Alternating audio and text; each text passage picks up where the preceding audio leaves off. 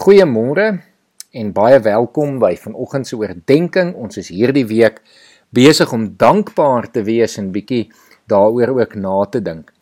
Vandag gaan ons dankbaar wees vir ons gesinne. Die huweliksformulier sê dat God die huwelik ingestel het toe hy in Genesis gesê het dit is nie goed dat die mens alleen is nie. Daar het God besluit om vir Adam 'n helper en 'n gelyke te maak iemand wat saam met hom die lewe kan geniet en iemand wat hom kan bystaan en saam met hom die lewe kan aanpak. Die huweliksformulier bevestig verder dat God die gesin wanneer 'n ouer paar kinders sal kry as sy kerk in die kleine heilig.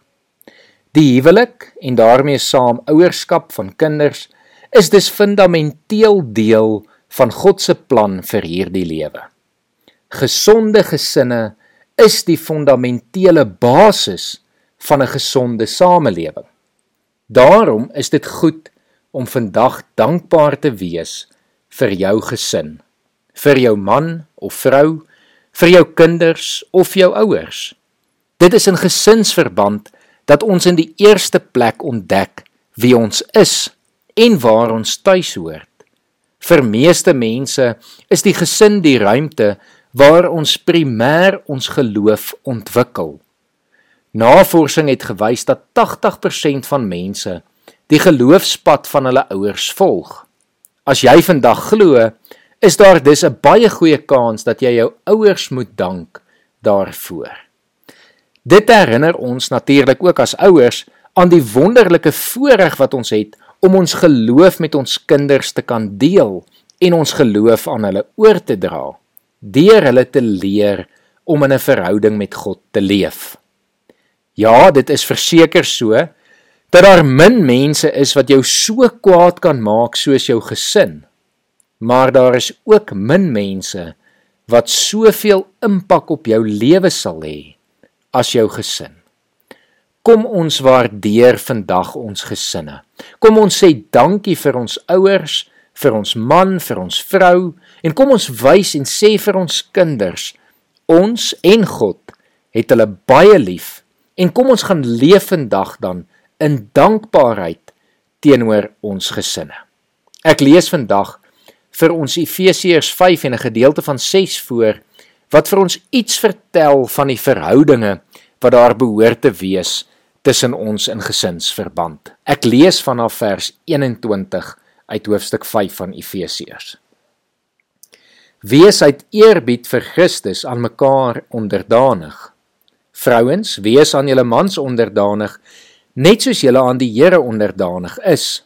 Die man is die hoof van die vrou, soos Christus die hoof van die kerk is.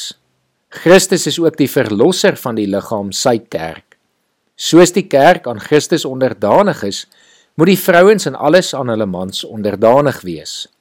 Mans, julle moet julle vrouens lief hê soos Christus die kerk liefgehad en sy lewe daarvoor afgelê het. Dit het hy gedoen om die kerk aan God te wy, nadat hy dit met die water en die woord gereinig het, sodat hy die kerk in volle heerlikheid by hom kan neem sonder vlek of rimpel of iets dergeliks, heilig en onberispelik.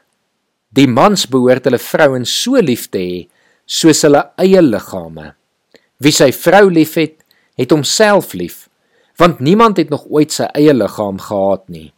Inteendeel, hy voed en versorg dit soos Christus met sy kerk doen, omdat dit sy liggaam is waarvan ons lede is. Daar staan in die skrif: Daarom sal 'n man sy vader en moeder verlaat en saam met sy vrou lewe en hulle twee sal een wees.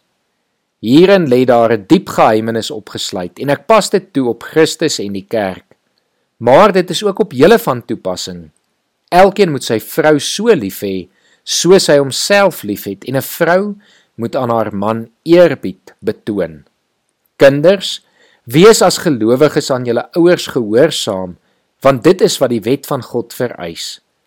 Eer jou vader en jou moeder is 'n baie belangrike gebod en daar is nog 'n belofte by sodat dit met jou goed mag gaan en jy lank mag lewe op aarde. En vaders, moenie julle kinders so behandel dat hulle opstandig word nie, maar maak hulle groot met tug en vermaaning soos die Here dit wil. Kom ons bid saam. Here, dankie vir ons gesinne, dankie vir ons eggenote, dankie vir ons ouers, dankie vir ons kinders.